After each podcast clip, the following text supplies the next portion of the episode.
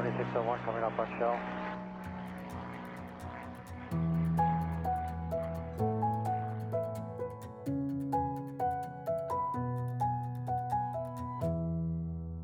Hej og velkommen til Skyhooked, Danmarks første faldskærmspodcast. Hej Michelle, Hej Mie.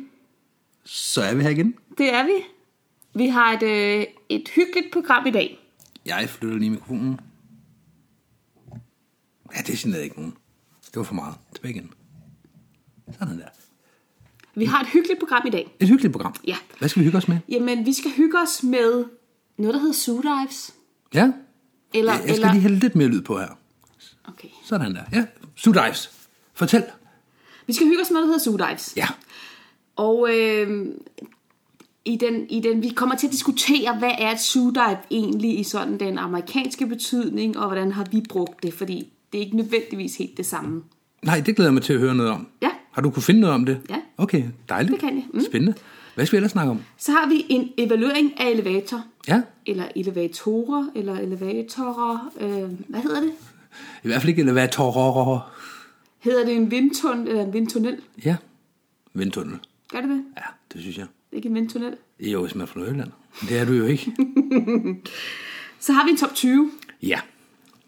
Top 20 åbenlyse, men paradoxale sandheder og pussigheder om faldskærm. Det lyder spændende. Ja, Det glæder jeg mig også til. ja. Er og det- øh, det er jo ikke en liste, som du har set. Det er en, jeg har... Øh...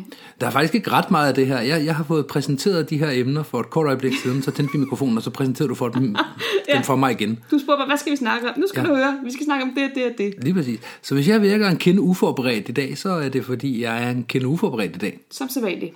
Nå, nå, nå, nå. Det er det da. Okay. Det er sjældent, at vi gennemdiskuterer ting, før vi tæller mikrofonen. Jamen, som regel, så har jeg da det fået lov til lige at, at tykke lidt på emnet, inden vi kaster os ud i det. Nå, okay. Så Nå, har du lige okay. en, øh, en flyver her til at tykke lidt.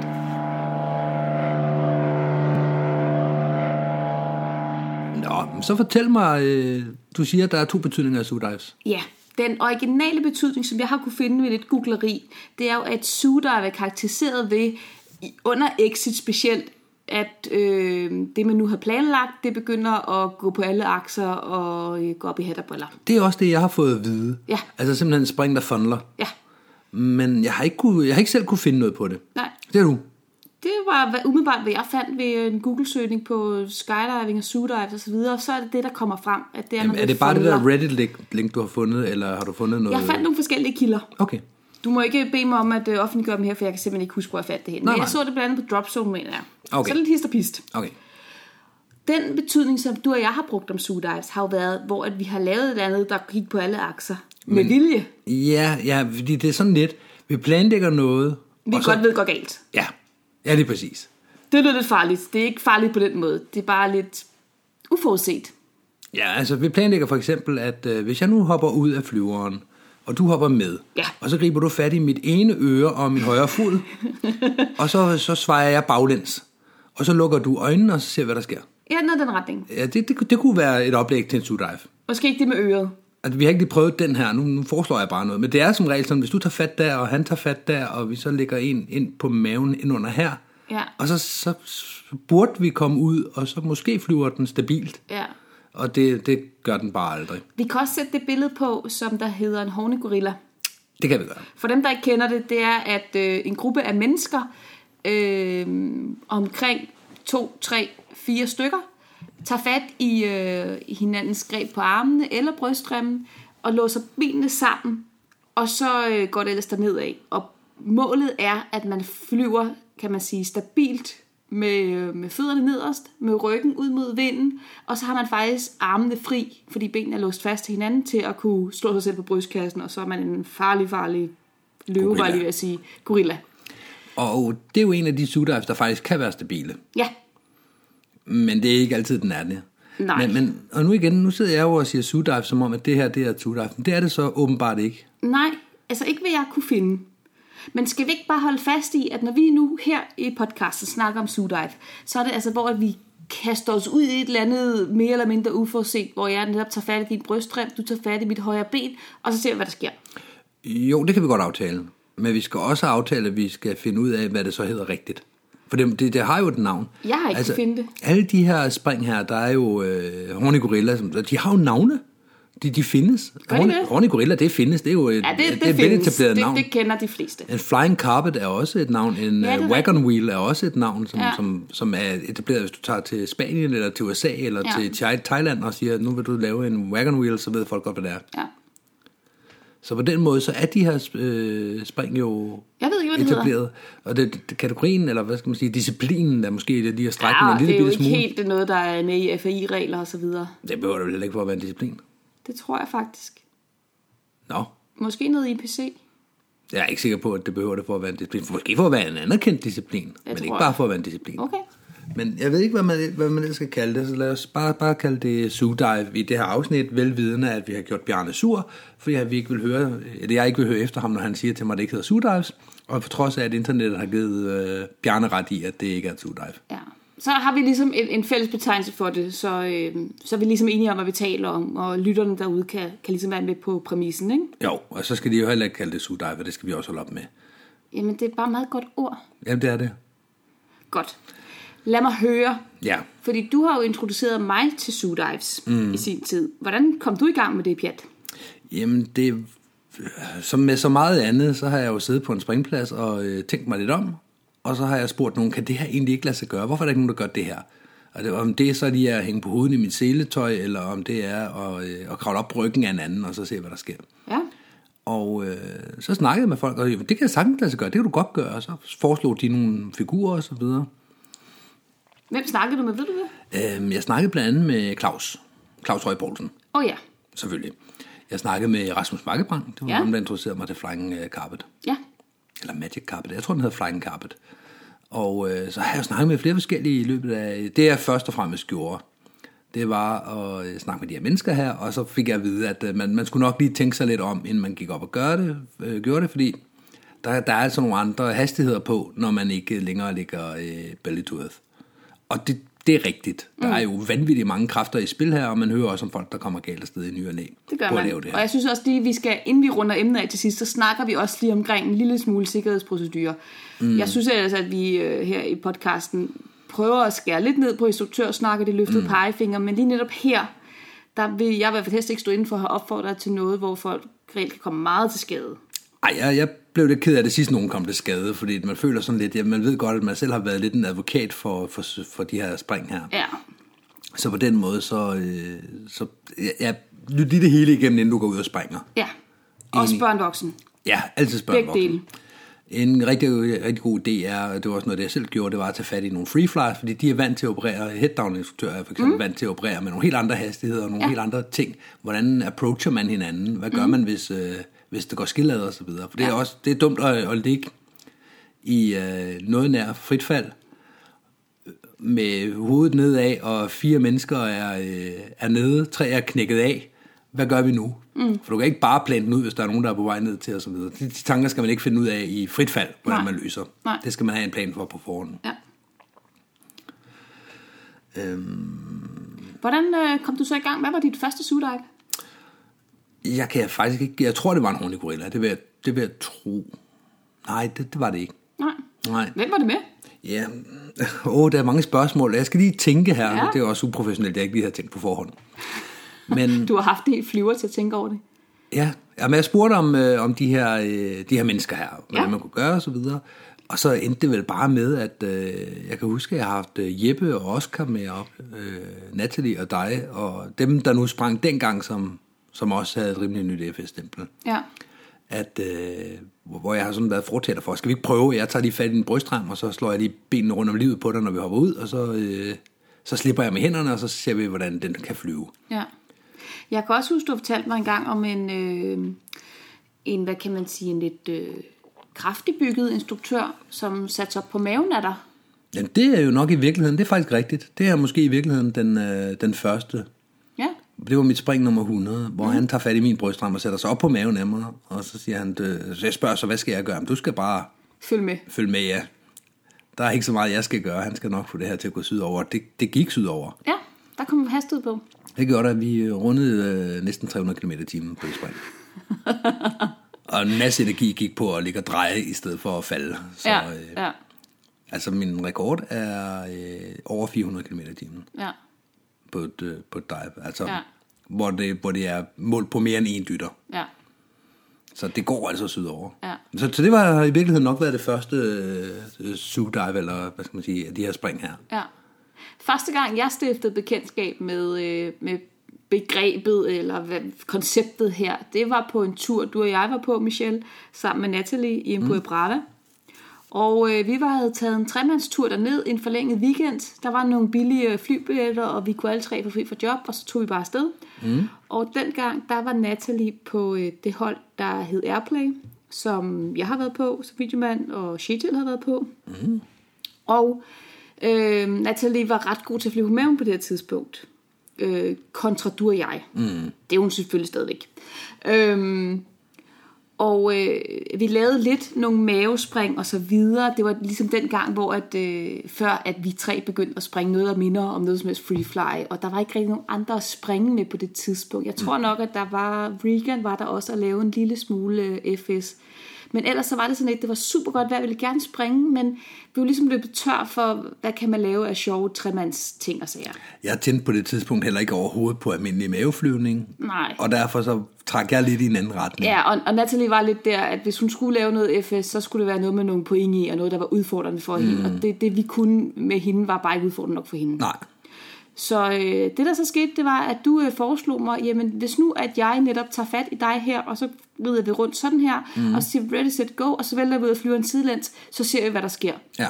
Og det, det er sådan, alle mine briefinger, de slutter, når det kommer til de her spring ja. og så ser vi, hvad der sker. Ja. Enten den, eller også, øh, og så burde den blive klokkestabil, er også et citat, jeg er kendt for. Det, det, kan, vi, det kan vi vende tilbage til, hvis det, det er. Vi. Men, øh, men det, som, det, som der jo så sker, det er, som du siger, vi tager fat i hinanden på en eller anden måde. Mm. Vi har aftalt, hvordan vi bryder, og vi bryder højt og så videre. Igen, sikkerhedssnakken vender vi tilbage til. Mm. Øhm, og så det sjove er jo netop, vi ved ikke, hvad der sker. Den kommer jo til som regel at dreje rundt på alle akser. Der kommer hastighed på. Lige pludselig ligger jeg med, med ryggen nedad. Lige pludselig ligger du med ryggen nedad. Mm. Så drejer vi rundt om hinanden. Så drejer vi rundt på en anden akse. Altså, øh, det er som at være med i den vildeste rutsjebane. Ja. Det er, jeg synes, det er så sjovt. Jamen, det er det, det også. er altså, jeg, jeg har tit hulket af grin, mens mm. jeg har lavet det her, og, og jublet nogle gange, kan man høre mig på GoPro-videoen, fordi mm. jeg skriger så højt. Det er så sket. Ja. Altså, det, og det, øh, du, jeg tror, du kan smide mig den vildeste rutsjebane i verden, og det kommer ikke op på siden af det, jeg lavede et, et fedt dive. Nej, også fordi det er så ukontrolleret, det her. Ja. Og det kan, den kan godt finde på, at, øh, at man går ud, og så går den i fladspind. Ja. Og det er fantastisk. og 400 meter senere, så, så gør den noget nyt. Ja. Nu koldbøtter vi. Ja. Og nu hænger jeg kun i den ene arm.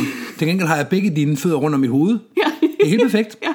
Men vi er, igen, vi er tilbage til fladspind nu. Men Ja. nu har vi hovedet nedad i vores fladspind. Det er helt fantastisk. Ja, og, og, og man kan simpelthen ikke forudsige. Mm. Der er så mange kræfter på spil her. Mm. Og øh, alle, der har prøvet, og det har alle jo, at lave en cannonball, for det skal man i sin levuddannelse, Ja. ja. ved, at det går bare på kryds og tværs. Jeg siger også tit til mine øh, elever, når jeg skal lave en stabilitetsprøve, hvis du synes, det, det bliver lidt for stabilt, fordi sådan en, en cannonball kan faktisk godt falde stabilt nedad, så stik en arm ud, så skal den nok blive ustabil igen. Jeg det briefer jeg ikke som, en, som en mulighed. Jeg briefer, okay. at man øh, hopper af med benene rundt om knæet, tæller til to, og så stikker man en arm ud. Benene rundt om knæet. Nej, hænderne rundt om knæet. Hænderne rundt om knæene. Ja.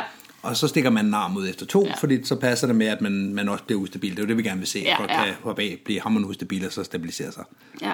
Og det, det er en, en cannonball, der er foretaget fra en skyvand for eksempel, bliver jo ikke ustabil, medmindre du gør noget for Ikke det. nødvendigvis, nej. Det behøver den ikke, nej. Nej.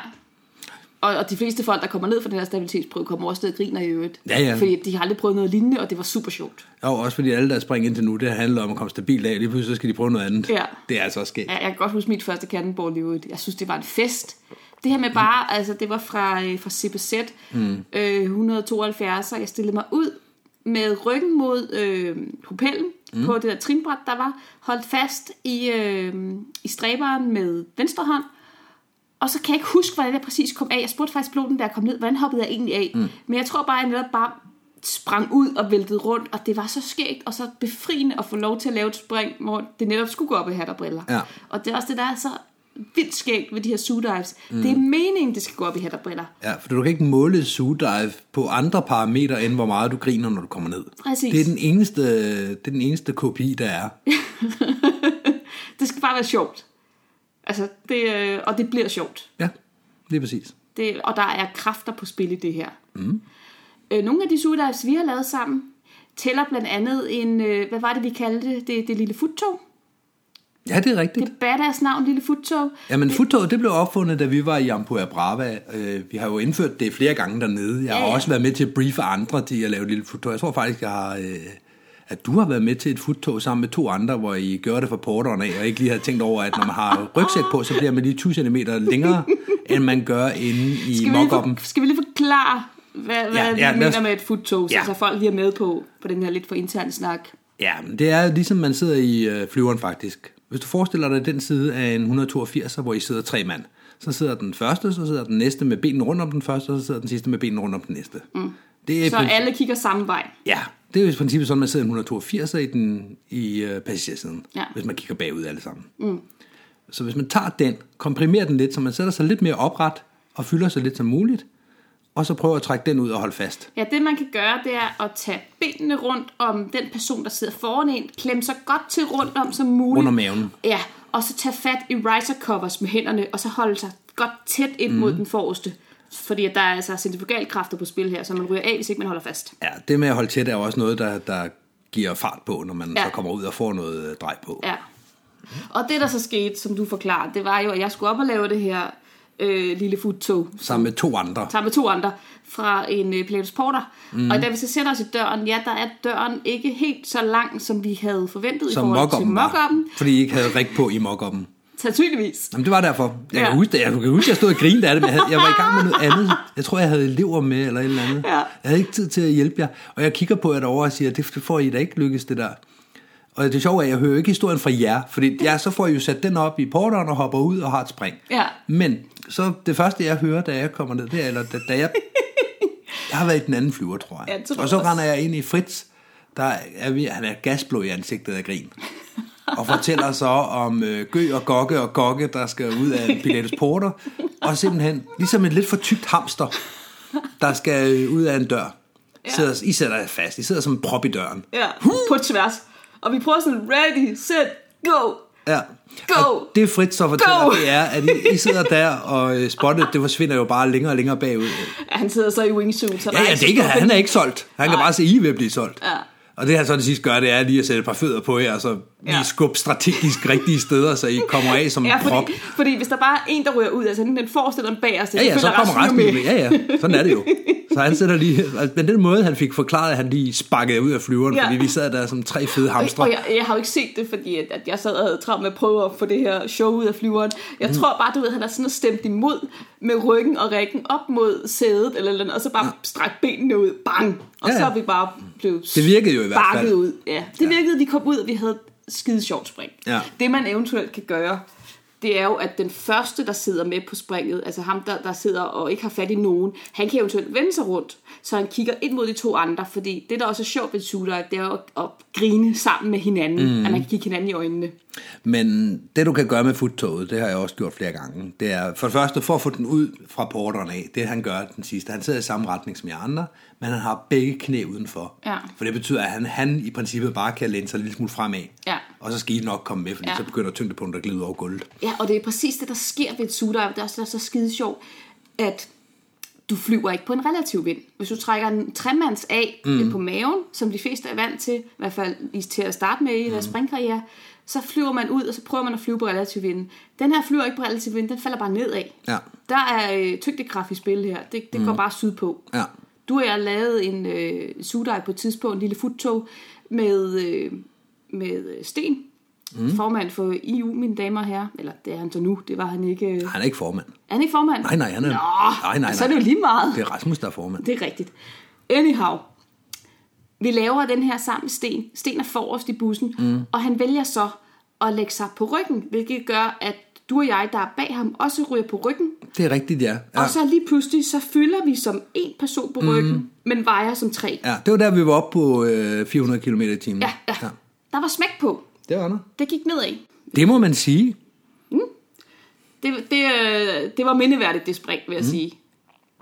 Det, øh, der, der, og der, som sagt, der skal holdes fast, for der er de her centrifugalkræfter. Og på et eller andet tidspunkt, hvis ikke man har aftalt brydehøjde...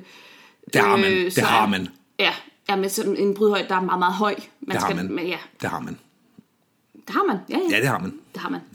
Og hvis man er tvivl, så har man aftalt en høj brydehøjde. Men hvis man ikke har nået den her brydhøjde, mm. så er man øh, øh, en ud af to gange også blevet revet fra hinanden. Ja, jamen altså, det er jo Altså- øh, det, at man kommer til at lave et sugedive, der holder ned til brydhøjde, hvor man har den samme, altså hvor man ikke har lavet backup-planen med, hvordan man flyver en stjerne sammen, og hvad for nogle penge man så skal lave. Mm. Den, hvor den holder til brydhøjde, der er man jo helt forbløffet og bliver sådan, hvad fanden var det så, vi oprindeligt aftalte? Fordi det er man ikke, det er man ikke vant til. Det, det er sjældent, det sker. Så når det sker, så er det en stor succes. Ja. Du og jeg har jo også været med til at tage et par øh, sugdives mødt om. Ja, det, det må man sige. Jeg kan godt lide det, når folk lige har fået en... en øh, En god mængde FS-erfaring. Ja, de, de har fået noget FS-erfaring, og de, øh, de har måske 80-90 spring i alt. Så nu er de ved at være der, hvor man godt kan prøve at give dem en, en oplevelse. Mm. Og øh, nogle gange så er det også sådan lidt, folk kommer og spørger, åh, vil du ikke godt med op? Fordi man har måske ikke været op med dem, siden de var elever, og, så, mm. og de vil gerne op, og jeg vil også gerne op og lege med folk. Det, det er der ikke noget, der er sjovere. Når man så en gang lige har, ved du hvad, jeg har ikke mere, jeg skal i dag. Skal vi ikke, øh, skal jeg lige vise dig, hvordan øh, sådan himmel den virker? Mm. Og så trække folk med op. Man behøver næsten ikke at brief den, hvis det er en sugedive, i Nej. forhold til selve springet. Man skal selvfølgelig have alt den her sikkerhedsbriefing. Ja. Så du, har, du bruger 15 minutter på at brief springet alligevel. Ja. Men du bruger ikke særlig meget, du behøver ikke brief ret meget.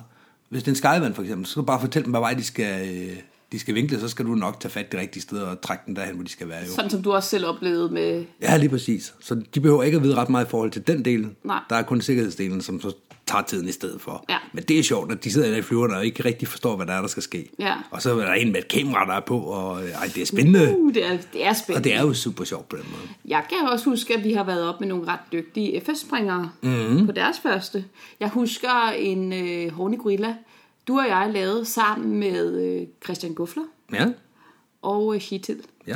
Og det var øh, Shetils livs første øh, sugedive. Mm. Og livs første Horny Gorilla i øvrigt. Ja, han er jo mavespringer. og Han laver- er inkarneret mavespringer, det var han også dengang, meget, meget dygtig mavespringer. Og øh, han, altså, jeg tror også, det var første gang i hans liv, han sprang uden dragt eller sådan noget. Jeg ved ikke, hvad der gik af ham den, den fredag aften. Han blev bare grebet af stemningen i, Det tror jeg. i Det var en klubben. eller anden øh, fredag aften i NFK med noget Mhm. øh, piratstævne eller sådan noget. Ja, ja, vi havde bare lige det der tre spring efter klokken 18, og så fra, øh, fra vi kunne få samlet folk. Ja. Så vi var ikke ret mange flere end, end, end måske en 10 stykker eller sådan Ja. noget. Og så var vi op og lave den her, og øh, jeg, jeg mindes, at han havde det sjovt. Mm. Jo, jo, men det havde han også. Det var også et sjovt spring. Ja, det var et sjovt spring. Generelt er det jo, altså, det er super sjovt. Ja. Du lærer ikke noget af det. Du bliver ikke nødvendigvis en dygtigere øh, fritfaldsflyver af det her. Altså, Jeg vil sige, hvis du lærer noget, så er det, at øh, ja, deltager er fint til mange ting med at blive stabil. Men du, du får noget øvelse i at blive stabil fra det allermest ustabile, du nogensinde har kunne forestille dig. ja.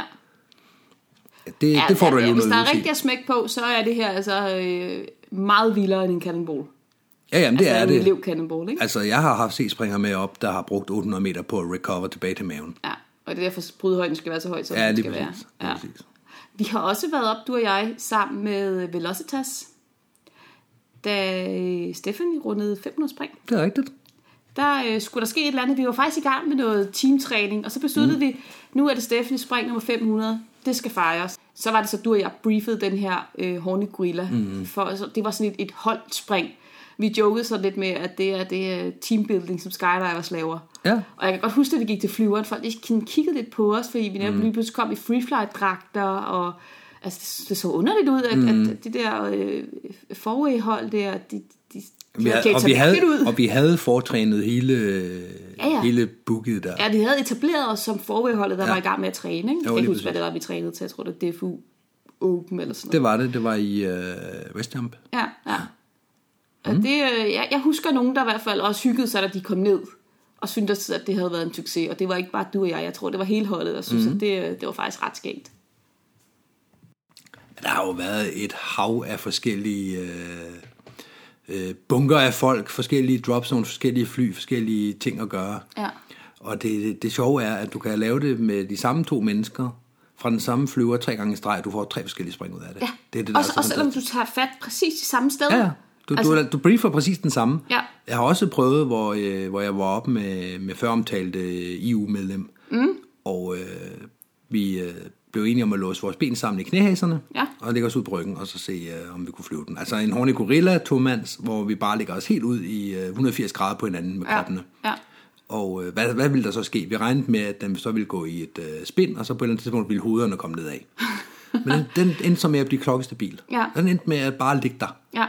Og den lå Hvor I lå klokkestabilt på Og den ryggen. lå der, lå der, og vi kunne tage hænderne om bag hovedet og løfte hovedet, så vi kunne øh, ligge og lave øh, hvad hedder, sådan nogle pull-ups, eller hvad hedder sådan noget. Ja, ja, og lave håndtegn til hinanden. Ja, ja, så kunne vi, altså man kunne lige løfte sig frem en gang, ligesom når man laver øh, træning på gulvet, ikke? Ja, Og så kunne vi ligge der og grine til hinanden, indtil vi kom til brydhøjden, og så vende os rundt og ja, ja. væk. ja.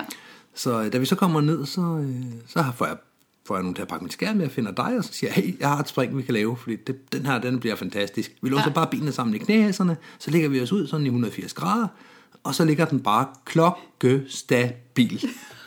det er de præcise ord, jeg får brugt. Ja, det er det. Og øh, det tror du jo på. Det gør jeg. Der er jeg du er en øh, naiv sjæl. en bebløjet lille pige. og du går med i flyveren. Og øh, så går vi op og laver præcis det samme spring. Breathet på præcis den samme måde. Vi lavede præcis det samme exit. Vi havde præcis de samme greb med benene. Vi ligger på samme måde. Og ja, der er en vægtforskel i det her.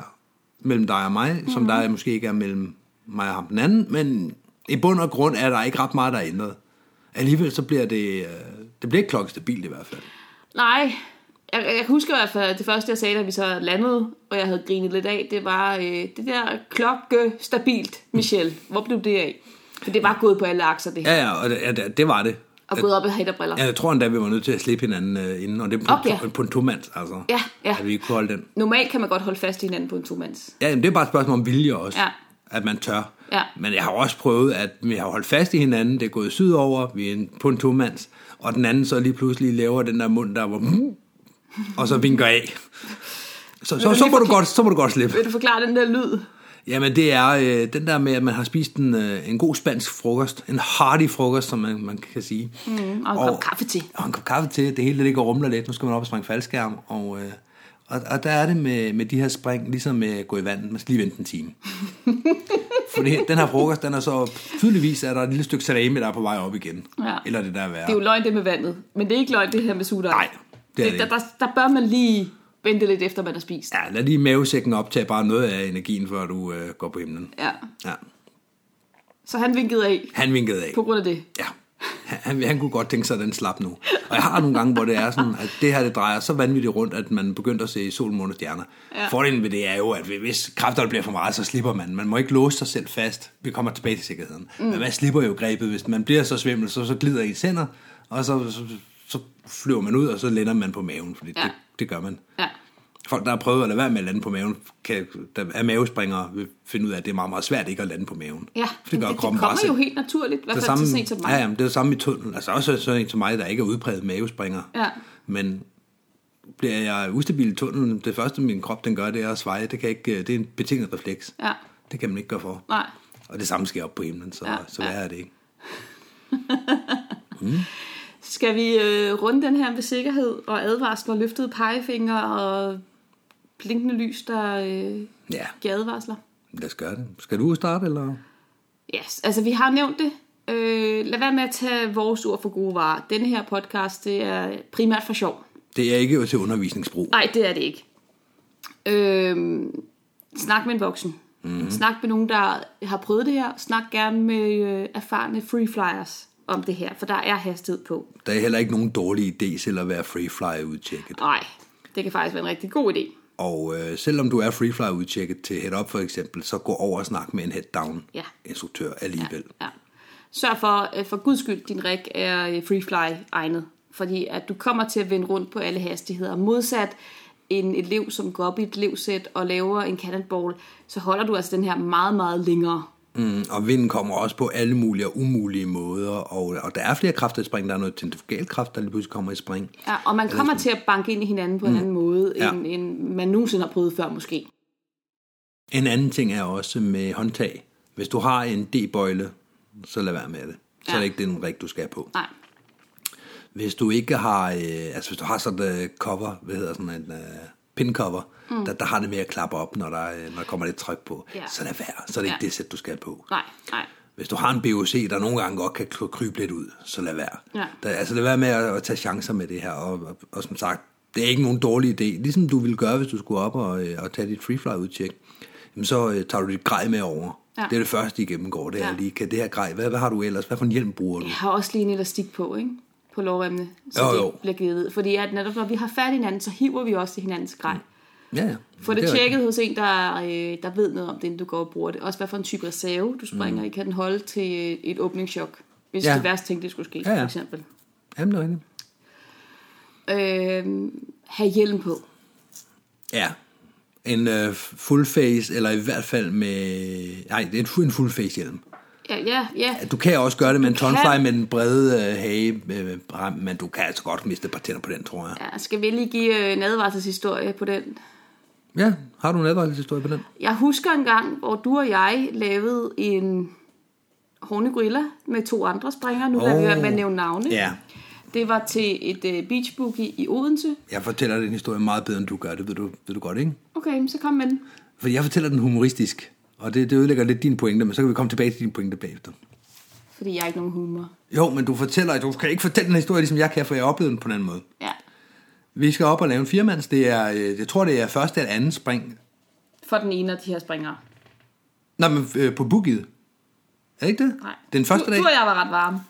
På det her boogie her? Ja. Men så er der en, der lige var kommet. Der var i hvert fald en, der ikke fik andre spring end det her. Mm. Så, øh, så må han lige være dukket op. Ja. I hvert fald så er der Beach Boogie, der er, øh, vi har snakket om det her boogie før også, mm. det var det bedste boogie, nogensinde har været i Danmark, hvad vi har været til. Og, øh, og øh, vi skal springe fra beachen, vi er fire mand, vi skal lave en horny gorilla, den vi har snakket om, hvor vi låser benene sammen. ja. Sådan en af de mere sikre zoo dives. Ja, og især fordi, at øh, de tre af os har faktisk lavet den før. Den ene har ikke været med på så mange, vi to har været med på en del, og den sidste, han skulle bare breakes ind. Og så vi har snakket om brydhøjde og alle de her ting. Ja. Og så kommer vi, øh, så kommer vi op, og den, den ligger egentlig meget stabil, men så begynder der at ske noget med folks øh, glas og briller.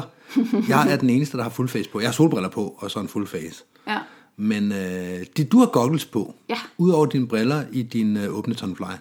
Nej, jeg har linser i. Du har linser i. Okay, men du har i hvert fald goggle, eller hvad hedder det, briller på. Du har ikke, Ja. øh, du har goggles på, du har ikke... øh, Source goggles. ja, du har ikke full face på. Nej. Så dine briller, de blæser af. De blæser, ud Mine fra goggles, dit, de blæser op. de blæser ud fra dit ansigt et stykke tid, og så flopper de helt op over kameraet. Ja. hvor du har lidt svært ved at finde den. Ja. Imens jeg er ved at grine af det, så kigger jeg over til den anden side, hvor jeg kan se øh, både springer 1 og springer 2 derovre, der hver især også har øh, taget deres briller af i farten. Fordi der simpelthen bare er så meget øh, fart på nedad. at Den vind- ene har en åben fullface hjelm, der faktisk er gået op. Det er rigtigt. Nej, han, han, har, en, han har en full face, den er ikke åben. Eller nej, en fullface hjelm, der er gået op. Hvor visiret, det bliver ved med at poppe op, for jeg lukker Ja. det visir for ham to gange. Ja. Og på grund af kræfterne, så bliver det ved med at, at poppe op, mm. fordi vinden kommer nedefra og skubber øh, visiret op. Ja. Og den sidste, han har goggles på, ligesom du, og de øh, falder så også øh, af. Ja. Eller blæser ud af, af, af, Ja. af hovedet på ham. Og jeg er en lille smule panik over det her, fordi jeg bruger linser øh, på det her tidspunkt. Det gør jeg nogle gange, når jeg springer. Og jeg er meget, meget stærkt nærsynet. Mm. Det vil sige, at jeg ved godt, hvis jeg mister min, min, begge mine linser, hvis de blæser ud, og det har jeg prøvet før med en enkelt linse, mm. Så, Så, så er du hønest øh, blind, og så kan du ikke øh, se, hvad du laver. nej, så kan jeg ikke lande sikkert. Nej. Det er helt 100. Men det, der så sker, det er så, at øh, der er ikke rigtig nogen, der kan se noget, så øh, jeg får ligesom givet slip på den her vinker af, mm. og det fatter folk, og så bryder de væk, men der er to, der ligesom ramler ned over hinanden. Ja. Den ene kommer ind over den anden, og så slår de lige ind i hinanden, inden de, de tracker væk. Men ja. alle tracker, så det, den er god. Ja, ja. Kommer ud, åbner skærmen, og så kommer jeg ned, og så lander jeg, øh, jeg tror, jeg er første springer, der lander, og så har den ene lander ved siden af mig. Og så kommer han hen, ui, ui, siger han så. Hvad, hvad nu? "Ej, Jeg har slået min hæl. Jeg har, ui, det var det ikke i landingen, jeg har haft ondt i den hele vejen i skærmen også. Ja. Nå, for pokker. Så kommer jeg lidt, øh, lidt længere hen, og så får vi high five med dig, og så kommer springer nummer 4 der også. Mm. Øj, jeg har ondt i mit hoved. Øj, jeg har ondt i mit hoved. Jamen, så tror jeg, jeg har fundet parret. Du har fået et match. Jeg tror, jeg har fået et match. og det viser sig så, at den ene har ramt øh, hælen ind i øh, hjelmen på den anden, Ja. i en grad, hvor den anden har slået hovedet ind i hjelmen. Og øh, det ender jo selvfølgelig med, at han får lidt kvalme og lidt tunnelsyn, og man bliver enige om, at et skadestuebesøg vil måske ikke være for meget. Nej, der kunne godt være noget hjernerystelse. Ja, så øh, jeg kan ikke huske, om de holder ham til observation, eller hvad de gør. det Det, mener jeg faktisk. Men i hvert fald, han kommer jo tilbage på pladsen. Det må så have været dagen efter, efter 24 timers Ja. observation. Eller, eller Ja. andet. Og han må ikke... Øh, han må ikke springe faldskærm. Nej, Han må ikke drikke alkohol. nej, Han må ikke være ude i solen. Han må ikke kigge på en computerskærm. nej. Men ellers så kan han leve sit liv, som han plejer. Ja. Og så skal han jo vækkes Øh, Nå ja, det hver anden time døgn. eller sådan noget. Ja, ja. det er rigtigt, ja. Ja. ja. Så han skal have folk Han var til at rimelig pissed over os, når vi kom ind og vækkede ham til sidst, fordi han, heldigvis var der ikke sket noget alvorligt, Nej. så han var ved sin fulde fem, hver gang mm. han blev vækket, ikke? Men øh, Men også at, at ødelægge et boogie på den måde, Ja, var at du kan ikke drikke alkohol, du kan ikke spille faldskærm, så... Øh, ja, det er ligesom det, det går ud på, ikke? ja, og du kan ikke se en... øh, Du må ikke læse en bog, du må ikke se og på du kan ikke ligge og nyde solen. og du må ikke se en film. Nej. Okay, det er jo en helt perfekt sommerferie. Ja, og ja. dengang var der ikke noget Skyhooked podcast. Det havde man ikke dengang. det er rigtigt. Jeg husker også en anden gang, hvor at, øh, vi var hjemme og besøge en, og øh, du var der hjemme først, jeg skulle bare på, øh, på arbejde, og han fortæller dig så om et øh, super sjovt øh, hornegrillaspring, han har lavet sammen med nogle rimelig uerfarne springere, og så har han jo gjort det uden hjelm. Mm. Så du giver ham en skideball af den anden verden. Ja. Og da jeg så kommer ind ad døren, da du er færdig med at skideballe, så hører jeg så om det her spring for dig af, og så får han lige skideball en gang til fra mig. Mm. Altså, Ja. det er simpelthen det dummeste, at gå op og lave et sugedive uden en hjelm på. Generelt så skal man tænke sig gevaldigt om. Mm, Det er, I mit hoved er det helt op til folk selv, hvad de vælger at gøre. Mm. Og hvis folk vil lave et øh, spring sammen med andre uden hjelm, så be my guest. Det er ja. ikke noget, jeg stiller mig dommer over for. Jeg, kan, jeg kender godt friheden af at springe uden hjelm. Det er fantastisk. Ja. Jeg elsker det. Ja. Men at gå op og lave sådan et spring her, hvor man helt 100% ikke kan vide, hvad der skal ske, Ja, det er, øh, det er udfordret skæbnen i en grad, der er for meget. ja. Og der har været andre skader, også i Danmark, på folk, der er kommet mere eller mindre alvorligt til skade på at lave de her sugedives. Ja, ja, Med brækket skulderblad og- og, muligt, ja, ja, ja. eller kravben og sådan nogle ting. Ja. Ja. Så, så, øh, så tænk jer om, aftal også en meget høj brydhøjde. Hvis I Jamen, er vant det- til at Det er jo så den næste, i- det må du ikke tage som en sidebemærkning. Det skal have et punkt for sig selv. Ja, hvis I er vant til at tage en brydhøjde i 1500 meter, måske fordi at, at du ikke tracker så godt selv, eller du rusten eller andet, sæt den op. Og sæt den hellere øh, 3 400 meter for højt op. Altså, jeg øh, plejer at sige, to kilometer er en fin brydhøjde. Ja, og det må godt være højere. Og det, er, øh, det, det skal ikke være lavere end det. Nej, Så kan det godt være, at man ligger i en klokkestabil to mand sammen, kigger på højdemåleren, kigger på hinanden, og hvis man har 500 spring hver især, kan det godt være, at man kan kommunikere hen over det, mm. og så sige, vi bliver lige liggende et øjeblik mere, den er jo, Ja, ja. Vi, ved, hvad vi laver, og vi kan bare vende os rundt herfra. ja, Men det er ikke et råd, der, der er givet, det er ikke noget, jeg siger, man kan gøre. nej, Det, regler skal overholdes, alt det her. ja, Når det så er sagt, så øh, to kilometer. Mm. Går man ned til to kilometer, og den går sydover, og den går i alle retninger, I er måske en 4-5 stykker, så er to kilometer, det er altså for lavt. Ja. Fordi lige pludselig så er der en, der er fløjet af, og så skal de andre øh, til at, at forholde sig til, at man, ikke, man har folk i fire lag, man ved ikke, hvor de andre er henne, man skal til at tracke og alt det her ting. Ja. Og måske skal man lige bruge, jeg havde, som sagt, jeg sprang med en i øh, Sverige, der brugte 800 meter på at stabilisere sig. på at stabilisere sig. Mm. Altså det, øh, jeg ved godt, så var han nede i 1200 meter, så var der ikke noget problem i det. Mm. Men når jeg hænger i to kilometer Ja. og tracker væk, og ikke kan se nogen, kan bare se, at der er en, der brager sydover. Ja. Så 800 meter, det er altså en rimelig stor højdeforskel, når jeg flat tracker, og han brager i kælderen på Ja, ryggen. ja, Så, øh, så to kilometer er bestemt ikke, øh, ikke for meget. Nej. Tværtimod. Ha' en backup-plan. Mm. Når eller hvis den her bliver brudt, enten frivilligt eller ufrivilligt, hvad gør vi så? Mm. Øh, altså, vi går selvfølgelig på maven, hvis det er det, vi er vant til. Og så mødes vi sandsynligvis i en stjerne eller det, der ligner. Det man så skal huske, det er, at øh, især hvis man laver noget 3, 4, 5 mands, Ja. der er en risiko for, at en falder af, og Ja. de tre andre ikke gør. Ja, Eller fire andre, eller fem andre, eller hvor meget der nu ikke er. Mm. Og så har du altså en stor gruppe, der er fuldstændig ude af kontrol. I fylder hele himlen. Mm. Og så har I nogle enkelte, der måske er rød, nogle ryger af. satellitter, der er røget af. Ja, og når de ryger af, så det der tit sker, det er, at de ryger opad. Fordi den her samme ha- hastighed på, på gruppen mm. er øh, nedad. De kan også flyve under, det er jeg klar over, men, men ofte sker det Jeg tror ikke, de ryger opad. Nej, okay. Det der ofte sker, det er, at de øh, decelererer i forhold til, Ja. til gruppen, og mm. derfor er over gruppen, og det er hammerne farligt. Så skal man også lige tænke sig om. Ja, over. ja. Generelt skal man slet ikke lave øh, firmands med folk, man ikke kender og sådan noget. Nej, og, og dit første sugedive skal være en tomands. Med en free fly, øh, Ja, men en, der ved, hvad han laver. ja. Og efter en snak med en voksen og alle de her ting, og man skal slet ja. ikke lave det her. Nej, nej, det er jo det, er jo- det er dumt at gøre det her. Men det var vel sådan set øh, ordene for nu i forhold til Suddive. Jeg ved, at der kommer jo øh, sandsynligvis flere historier ud mellem sidebenene i løbet af kommende afsnit eller et eller andet. Mm, det gør der helt sikkert. Det er en øh, sjov måde at springe faldskærm Jeg har, øh, jeg har i hvert fald et utal af anekdoter og spring, som, øh, som, som vi nok kommer til at berøre på et eller andet tidspunkt, som vi ikke har snakket om i dag. Ja. Mm. Lad os lukke den for denne gang.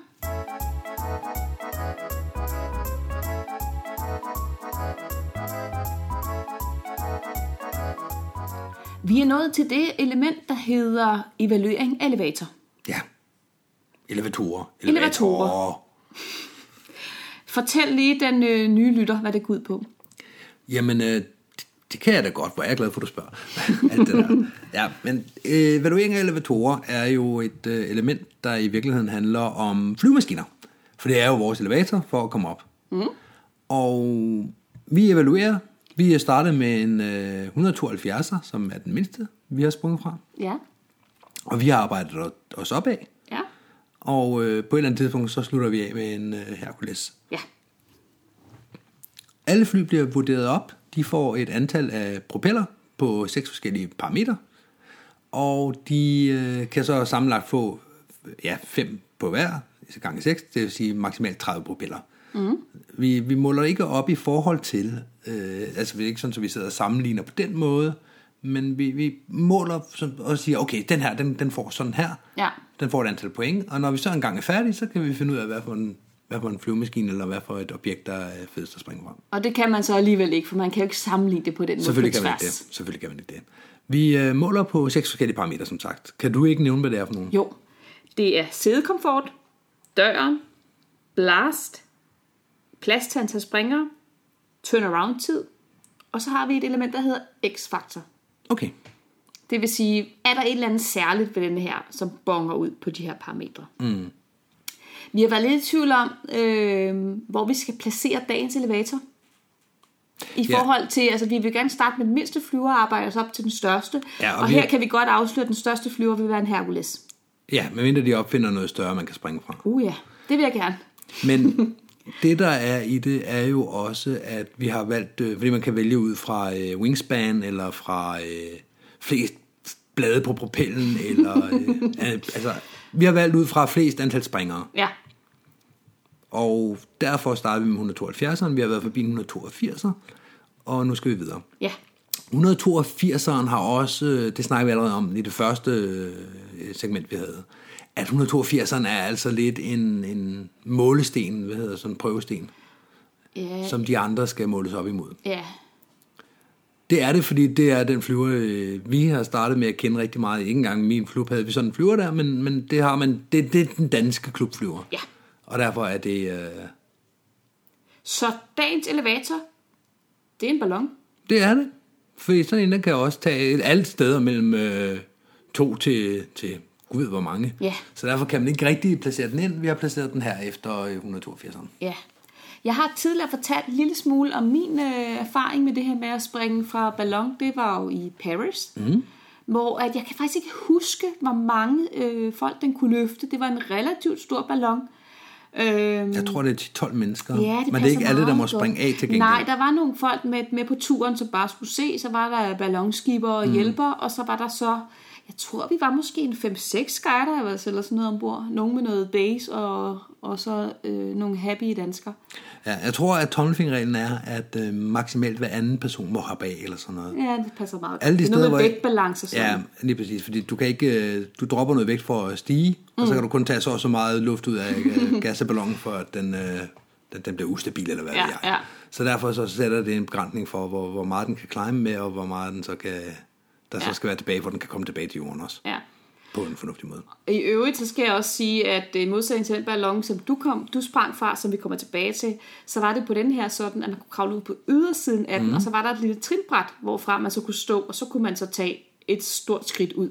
Ja. Øh, så den her, den her ballon var jo også lavet til at være en, en, en faldskærmsballon, kunne man sige. Mm. Det var en business, Ja. øh, der, der kørte her i Paris. Mm. Lad os høre om dit ballonspring.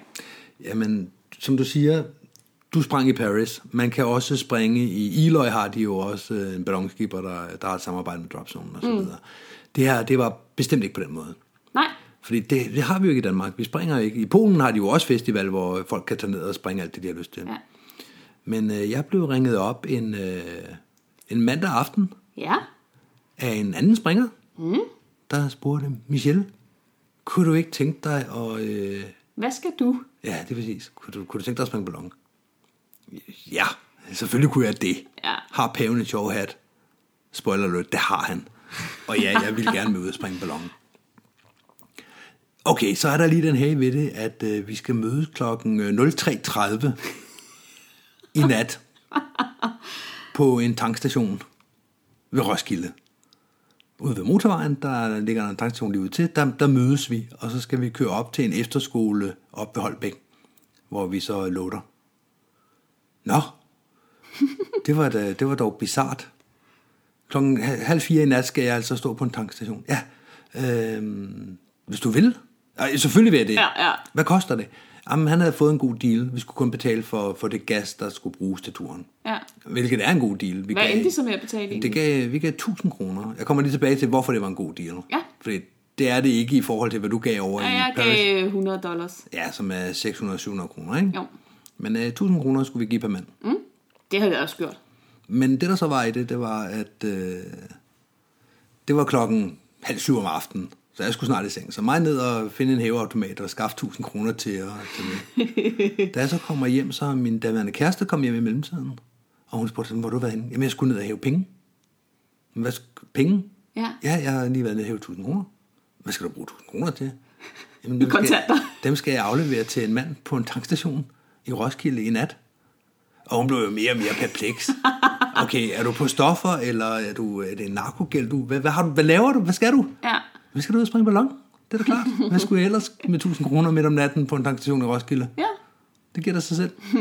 Så mig i seng, og så har jeg svært ved at sove. For Ja. nu skulle man lige pludselig prøve at få en nats øh, Hvor mange spring havde du der? Jeg kan ikke huske det.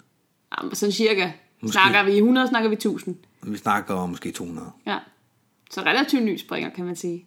Ja, det, det, det, det synes jeg, jeg var. Ja. Jeg tror, jeg vil have omkring 200. Det kan godt være, at jeg har ramt 100 ved siden af, men Ja, det, ja, er, ja. det er ikke 1000 i hvert fald. Så jeg kommer i seng, jeg kommer op, jeg kører øh, til tankstationen i øh, Roskilde midt om natten, parkerer min bil, og så kommer ham den anden springer også, og så står vi der og venter med vores grej. Så kommer der en bil med en kæmpe trailer på, stor vivldrækker og kæmpe trailer, og øh, han kommer hen og hilser på, og øh, vi introducerer os, og så øh, sætter vi os ind i hans, hans bil, mm. som skal agere følgebil, når vi kommer derop. Ja. Så øh, vi kører til Holbæk. Der er en efterskole, de har en stor mark, og der sætter vi så øh, gradet af. Og så, øh, det, det er jo så en af charmen ved det, det er, at øh, der er ham, så er der hans kammerat, som er navigatør, og øh, radiouddannet, så han må også snakke øh, flyradio. Mm. Det skal vi også have. Der, der er lige pludselig alle mulige øh, ting, der også er i det. Ja. At øh, når man skal springe ballon, eller når man skal flyve ballon, hvis du holder under visse højder og så videre, så behøver du ikke en transponder, du behøver ikke en radio og så videre. Men lige snart du, du gør nogle forskellige ting, så, er der, så bliver du mere og mere en flyvemaskine. Mm. Og skal det. Så de havde sådan nogle øh, flettede kurvebanker, de satte på kanten. en med noget radio, en med noget transponder og så videre. Så byggede de bare på, indtil den der kurve, Ja. den var mere og mere flyvemaskine. Indtil det var nok. Og I stod der i knæhøjt vådt græs og måtte hjælpe til med at puste den her ballon op, ikke? Jo, fordi det der så er i det, det er, at der står de to, og så står der øh, konen til ballonskiberen, Ah. som skal køre følge bilen. Ja. Og så er der altså øh, springeren og mig, Ja. og vi skal, vi skal hjælpe til. Ja. Der, der er ikke andre mennesker, der er ikke, vi kan ikke gå op på efterskolen og spørge, om der er nogen, der kan hjælpe med at, at puste op her. Nej. Det betyder, at vi skal jogge rundt i det her våde græs her. Midt om natten. Jamen, i, solen er så småt ved at lysne, fordi vi skal jo springe med, med DF-flag, hvad hedder det, First Ray of Sun, Ja. alt det der. Så vi jogger rundt, jeg har øh, våde tæer op til knæene, altså. Det er frygteligt. Iskold. Hvad måned var det? Det var i april. Okay. Så Ja, der, er der ikke- kan godt være lidt øh, koldt om morgenen. Ja.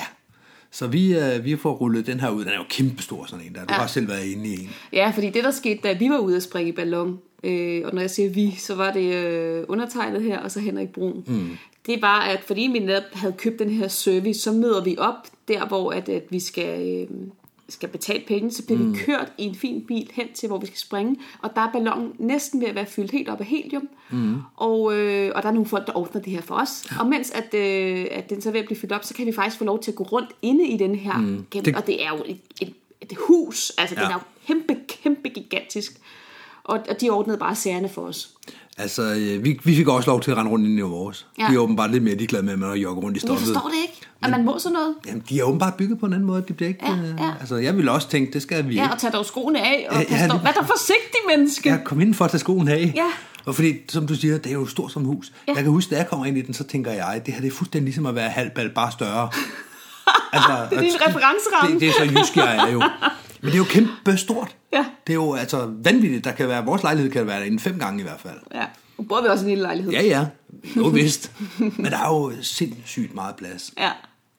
Men vi, vi skal hjælpe til selv. Der hvor, det, hvor, hvor, hvor jeg fortæller, at um, til 1000 kroner det er billigt, det er, at vi er jo kun to mand til at betale den her. Ja. De uh, to andre, der er i flyveren, eller i ballonen, de skal jo altså blive der. Ja. Så vi er to, der skal betale gildet. Ja. Det er det. Ja. Og der skal en følgebil med, så altså, det er jo lige meget, om der er Ja, en og eller så, fem. så, så er det jo også bare charmerende, tænker jeg, som ikke har prøvet det, men hører om det, at være mm. afsted sådan en lille ballon. Altså, Mhm. Ja, ja. Frem for, det var jo det var en fest, det ballonspring, jeg havde, ikke? Mm. Men, men det må være meget intimt, det her med, Mhm. Det er det at, også. at netop, der var jo ikke et fint det trinbræt og så videre, fordi mm. det her var ikke, altså ham, der, der fløj ballon, var jo øhm, certificeret i forhold til at sætte faldskabsspringere, mm. men ellers var det jo ikke en, på den måde en faldskabsforlystelse, han lige hævde op af lommen. Nej, nu snakker du om mit spring. Ja, ja, ja præcis. Ja. Præcis. Jamen, det er rigtigt. Det, det her var jo bare ham, der, der øh, havde spurgt øh, springer nummer to her, om skal I ikke ud og springe noget? Bal- Ja, eller også var det den anden vej. Jeg tror, det var springer nummer to, der havde spurgt ham. Okay, ja. Men under alle omstændigheder, så det blev rigtig intimt, og de var jo Ja. også søde til at forklare med grad og så Ja, videre, ja. og hvordan de havde beregnet, og de ringer jo også til, øh, til hvad hedder det, Kastrup? Kastrup Approach, og Ah, siger, sjovt. at øh, vi tager af nu her, og vi ja. flyver den Sætter nogle springere. Jeg kan ikke huske, om det er Roskilde eller Kastrup, men de skulle i hvert fald melde ind. Ja. Det må have været Kastrup, for vi, vi fik temmelig meget højde. Ja. Så øh, det tager ret lang tid, det her med at stille det op, når man skal gøre det øh, fire mand på en bådgræsplæne. ja. Men den første er stillet op, og der er gas i, og det hele er tjekket, de har jo også noget grejtjek, der ligesom, det er en, det er en Det kan flyvemaskine. Ja, og, det er og de har ikke faldskærm på. Nej, så de vil godt være sikre på, at den her den virker. Ja. Så da de er færdige med det, og vi skal til afsted, jamen så øh, alle mand op i koren. Vi har grejet op der i det våde græs, mm. med dragter og hjelme og alting.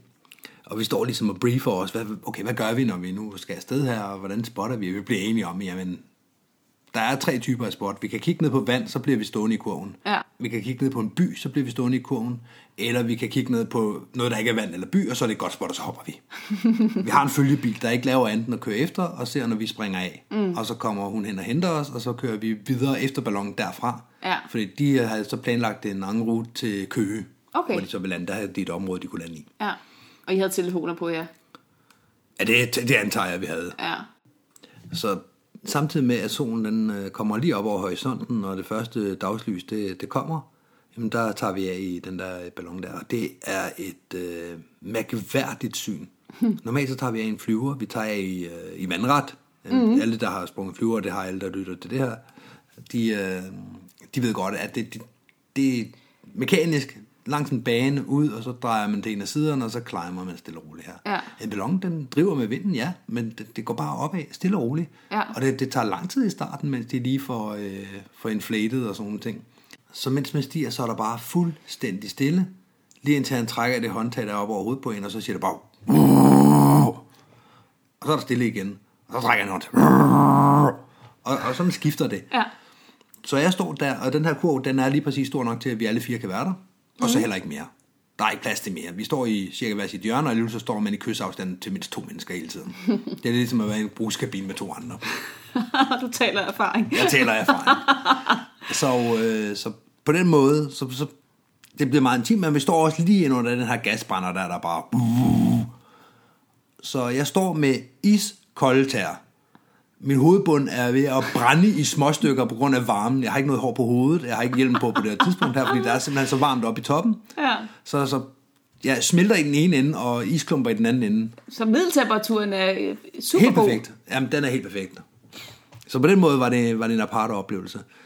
Det, der så også øh, kom bag på mig, det var den hastighed, vi climbede med. Ja. For det tager ikke, øh, den var hurtigere end noget fly, jeg har sprunget i lang tid. Okay. Vi kom op i 4,5 km, og jeg kan ikke huske, om vi har brugt en, en 10-12 minutter på det, eller sådan noget. Den, den climbede faktisk rigtig, rigtig godt. Hvorfor gik I så højt op? Vi, jamen, det var jo fordi, vi havde betalt gassen, og han mente, at der var gas nok til, at vi kunne komme derop af. Okay. Vi descendede så også, fordi så ville han så ikke bruge gasbrænder, når vi skulle til at climbe ud og sådan nogle ting. Nej, så det er øh, vi rigtigt. skulle springe en af gangen, og så med en pause, og så en mere. Ikke? Ja. Ja, fordi man skal, man skal springe... Det, der er i det at springe for ballon, der skal man prøve det der med at få et reelt frit fald, hvor man får følelsen af at falde. Mm. Og det skal jo være, hvor, man, hvor der er helt stille omkring en. Så selvfølgelig så skal gasbranden ikke, eller hvad så den hedder, den skal jo ikke være på, Nej. når man springer af. er og så taber den jo selvfølgelig højde, Ja, så vi var oppe i 4,5, men jeg tror, vi sprang fra omkring 4. Okay, Og det var også, hvad han havde sagt. Øh, Vi, vi, han ville ikke love os det, men han sagde, at det, det kunne nok godt lade sig gøre ved. Jeg fik øh, 4,2 eller sådan Ja, noget, ja. jeg. Jeg var sidste mand ude, ikke? ja. Og, og stå deroppe på kanten, og så der er helt tyst. Du er 4 kilometer væk fra nærmeste støjkilde, hvis du lige ser bort fra de to mennesker, der står bagved dig. Ja. Og de er jo også endægtige. De synes jo også, det er spændende, at folk springer. Ja. Og de har i øvrigt også noget at gøre med at trimme kurven og sådan ting, fordi når jeg hopper af, så forsvinder der jo altså alligevel små 100 kilo på den ene side, mm. som de skal være forberedt på. Og hoppe ud, og der er fuldstændig tyst. Jeg har videoen et eller andet sted, og man kan høre det. Jeg skruer helt op for lyden. Der er ingen lyd, og folk tænker, lyden virker ikke. Og det gør den. 4 km fra nærmeste støjkilde. Det bliver ikke bedre. Der er fuldstændig tyst. Og så springer man ud, og så bygger alarmen op. Du har 10 sekunder til du opnår terminal hastighed. Og i samtlige 10 sekunder på videoen, der kan man bare høre, at vi går fra det her. Op til den støj, der nogle gange giver på et frit valg. Og fordi jeg har skruet lyden helt op, så bliver det jo helt overvældende. Ja. Og det er det også. Ja. Det er helt overvældende. Fordi du kommer ud i den der fritfaldsstøj. Og den, normalt så kommer du direkte fra den ene støjkilde til den næste, når du springer af en flyver. Mm-hmm. Så jo længere du bevæger dig væk fra den første støjkilde, jo mere fart får du på, og så ja støjer det larmer igen. bare, når man er i Ja. frit fald. Sådan er det.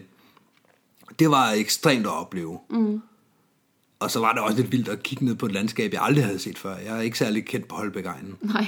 Eller fra, hvad der nu ligger, når man tager fra Holbæk med en luftballon mod Køge. Men øh, det, det var vanvittigt. En vanvittig oplevelse. Ja.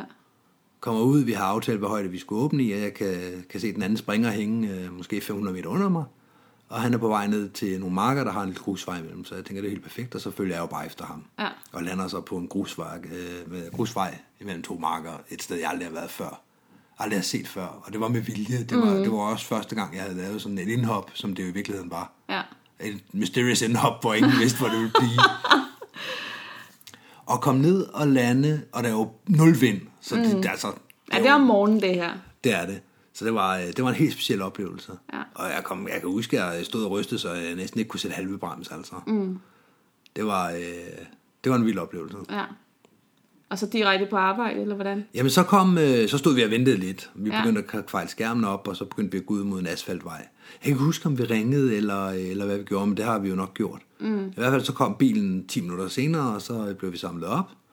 Og så, øh, hun havde så stadigvæk øje på øh, ballonen, og så, mm. så overtog vi ligesom, så hun kunne køre, koncentrere sig om at køre bilen, og så fulgte vi efter ned til der, hvor de landede. Ja. Og så, og så dem jo gå længere og længere ned. Samtidig Det må med, også være interessant. Det har Det jeg jo ikke det. set før. Jeg har set øh, det to gange siden. Mm. Det er sjovt, som man, øh, ligesom man bliver øh, hvad hedder sådan noget, prone for at se faldskærmsspringere og fly og sådan nogle ting, så bliver luftballoner lige pludselig også noget, man får øje på og det er, mærke til. det er rigtigt. Og det har Men jeg, jeg har jo- aldrig set en lande tæt på. Nej, jeg har heller ikke set den lande, men jeg har set den descente, hvor de så er gået ned oh, det ja. sidste stykke. Ja. Men det at, at ligge og køre efter en, der, der er på vej ned til landing, og så faktisk se den, og man tænker, "Jamen, det er jo bare helt blidt, fordi de lukker, lukker gassen ud og så videre. Ja, men de kommer altså også med vinden, og mm. der er ikke noget, der gør, at de kan flyve op mod vinden og bremse den her hastighed her. Nej, nej. Så kurven den rammer på et eller andet tidspunkt, og så ligger den sig klask ned, og så bliver den bare slæbt det sidste stykke. Wow, Fordi det, det er sådan, man bremser. Ja, Det er ved at okay. sætte kurven i jorden. hold op. Og så øh, ligger ballonen jo bare ned ved siden af. Og Og så var det det. Og så flader den jo ud, og så skal og hvis man synes, det er bøvler at pakke en faldskærm, så, øh, så prøv at gang det med, med rund skærm, og så gang med 10 igen. Det, det er et vanvittigt øh, indpakningsarbejde for at få den her foldet ned i en kæmpe stor kasse. Ja. Og det er ikke engang, fordi det er en lille bag eller noget, det er en trailer. og stå og være med til det, mm. og så køre øh, på arbejde. Ja, Tilbage til Roskilde, ind i min bil, direkte på arbejde derfra. ja. Og sidde på arbejde. Og være i sådan en helt anden verden. Jamen, jeg kunne slet ikke, du ved, jeg, det hele det kørte på mig, ja. da jeg kom ind på arbejde også. Ja. Og fortalte jo Gud at være med, jamen, jeg kommer lige, jeg kommer lige fra Holbæk af. Ja, men folk forstår det jo ikke. Nej, de forstår ikke, hvorfor det er vildt. De synes, det er vildt, når jeg sprunget en flyvemaskine. Ja, Ja. Og så er du sprunget fra ballon, det er jo bare en anden ting, man kan springe ja det er fra. bare en flyvemaskine, der ikke flyver fremad, eller hvad? Ja, Så på den måde, så var det en kæmpe stor oplevelse. Det var, øh, ja, det var en mandag, eller natten til en tirsdag, så det betyder mm. også, at øh, så kom jeg op i klubben bagefter. Jeg skulle oh, ikke ja. have været hjemme og sove, fordi jeg ikke fik sovet enten 4-5 timer den nat. ja. Men øh, det kunne jeg jo ikke. Så jeg skulle op i klubben og fortælle alle, at jeg havde sprunget ballon i nat. ja. Det synes jeg var helt vanvittigt. Der var nogen, der var rimelig øh, misundelige, det blandt mig. Ja, ej, det har der været. Det håber jeg da. Det var i hvert fald helt specielt. Det øh, konkluderer vel beskrivelsen af mit ballonspring i øvrigt. Ja. Skal vi prøve at rate øh, det her ballon her også, for det er jo egentlig det, vi kom fra. Ja. Øhm, på en skala fra 1 til 5 propeller. Hvordan mm. synes vi sædekomforten er i sådan en størrelse? Nu ved jeg ikke, hvordan det var i jeres. I min kunne man ikke sidde ned. Nej, Så øh, samme her, så det er 1. ja, vi blev enige om, at man ikke kan give 0 propeller. Ja. Den hedder 1 propel til 5 propeller, mm. hvor et er absolut minimum. Ja. Så det er 1 propel, ikke? Det er 1 propel. Ja. Døren. Jeg havde jo det trinbræt. Ja. Øh, døren i mit tilfælde var at klatre En op på kant. en meter og 20 kant, mens jeg havde fat i et metalstativ ude i hjørnet, for ikke at skvatte af, så jeg kunne få et godt exit. Ja. For derefter at at stå op på kanten og så vippe ud over. Det er jo svært, for jeg havde jo verdens bedste dør. Jeg havde jo altså et, et trin, og så var der bare hele verden for mine fødder, bogstaveligt talt. Mm. Så, Men der er ikke nogen dør, så, så, så den, den er lidt svær, ikke? Jo. Bliver det bare et Er det en tretal så? træer så? For jeg, ja, jeg tror, det er en træer, ikke? Ja, jo, en det tror jeg middel. også. Ja, det tænker jeg også. Blast. 5. Ja, det er et femtal. Det er- Fem med pil op. Det bliver ikke bedre. Nej. 0 blast, det er perfekt. Så fem stjerner, ikke? Propeller. Ja, propeller, undskyld. Men propeller kan også godt ligne stjerner. Øh, to blade propel. Ej. Det er Plads til antal springere. Den er også svær, ikke? Ja, Men, men selvom at jeg havde en stor kurv, så var vi vel 5-6 springere. Det er jo ikke imponerende. nej, og det, det er det der med, at der også skal være øh, almindelige Der er mennesker. andre folk Ja, der er almindelige mennesker med. Det synes jeg i det hele taget, det ødelægger hele oplevelsen en lille bitte smule. Nu var det heldigvis kun navigatøren og... Ja, Øh, det var folk, der havde en rolle i det her. Ja, fordi når man ser andre folk derude at springe, hvor de har, øh, så står der seks hvorfor's i den ene ende, og så, Ja. nej, der hoppede en af. ja. Ja, er det ikke derfor, vi er her? Mm. Hvad er I her for? Har I betalt for at komme med op og kigge? Det har de jo så. Ja, det har de så. Er, er det så... Øh, er det en etter? Er det en toer? Det er en toer. En toer. Jeg hælder også til en toer. Ja. Jeg vil bare sige en toer. Øhm, det skriver jeg på her. Mm. Springere. To. Ja. Så har vi turnaround-tid. Man kan godt høre, det her det er lagt an på en flyver. Jamen, det er det. Og øh, det er der ikke Den nogen af os, er der ved. ringe. Ja, det er den. Fordi, øh, men igen, det er en flyver også, hvis du begynder at tage al tiden med, fra piloten dukker op om morgenen til det første Så jeg har fået den første kaffe, og ja. Ja, ja og det, det, alt det skal jo regnes med i min. Ja, Men det er jeg vil sige, normalt så kan piloten hjemme i klubben altså godt finde ud af at starte sin flyver op, uden jeg nødvendigvis skal stå og, og, og bakse rundt i det våde græs. ja, og være fodkoldt op til knæene. Ja, Øhm, ja, altså, og selvom at, at jeg jo havde luksusoplevelsen i den her henseende, mm. men ting bare blev ordnet for mig, så var det ikke just hurtigt op til udspringshøjde.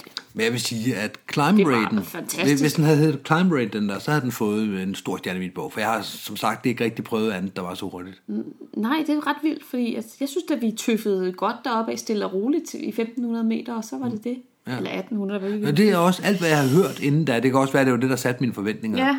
At alt, hvad jeg har hørt inden da. Men nu hedder den altså kan, det, turnaround. ikke- kan det ikke have været fordi, at netop at oplevelsen var så speciel, at altså, går tiden jo bare lige pludselig hurtigt, når man har det sjovt? Nej, jeg havde uger på. Det var ikke, en Okay, det var ikke min okay vurdering. det er ikke af- en subjektiv... Nej, nej, det var det ikke. Mm, Okay. Er det, er det en træer?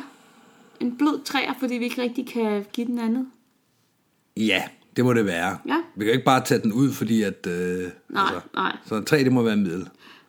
X-faktor? Jamen, det er 5, ikke? Jo. Ja. Så har vi en på sædekomfort, som er ikke eksisterende. Ja. En dør, tre, som er ikke eksisterende. Mm. Blast, der er ingen, så det er fem propeller. Øh, plads til antal springere, den har vi givet to. Mm. Turnaround-tid, ja, hvad det nu hedder på en ballon. 3. X-faktor 5. Så det giver 19 ud af 30 mulige. Yes. Det skriver jeg på skemaet. Ja, Jeg kan ikke huske, hvad øh, Nej, jo, 172'eren og 182 er, men vi samler op på det her på et tidspunkt. det gør vi. Ja, Ja. det var evaluering af elevator. Top 20 åbenlyse, men paradoxale sandheder og pussigheder om faldskærm. Nummer 20. De fleste WOFOs forbinder faldskærmsspring med den mest actionfyldte polterappen-aktivitet. For mange skydivers er det at springe ud af en flyver det mest afstressende, de foretager sig. Nummer 19. Det, der skal redde dit liv, når du springer faldskærm, er mest lavet af døde dyr og planter. Nummer 18. Når du først har sprunget ud af en flyver, kan du ikke fortryde det. Nummer 17. Du husker altid dit første spring. Nummer 16. Ved hvert spring betaler du kun springpladsen for turen op. Turen ned er ganske gratis.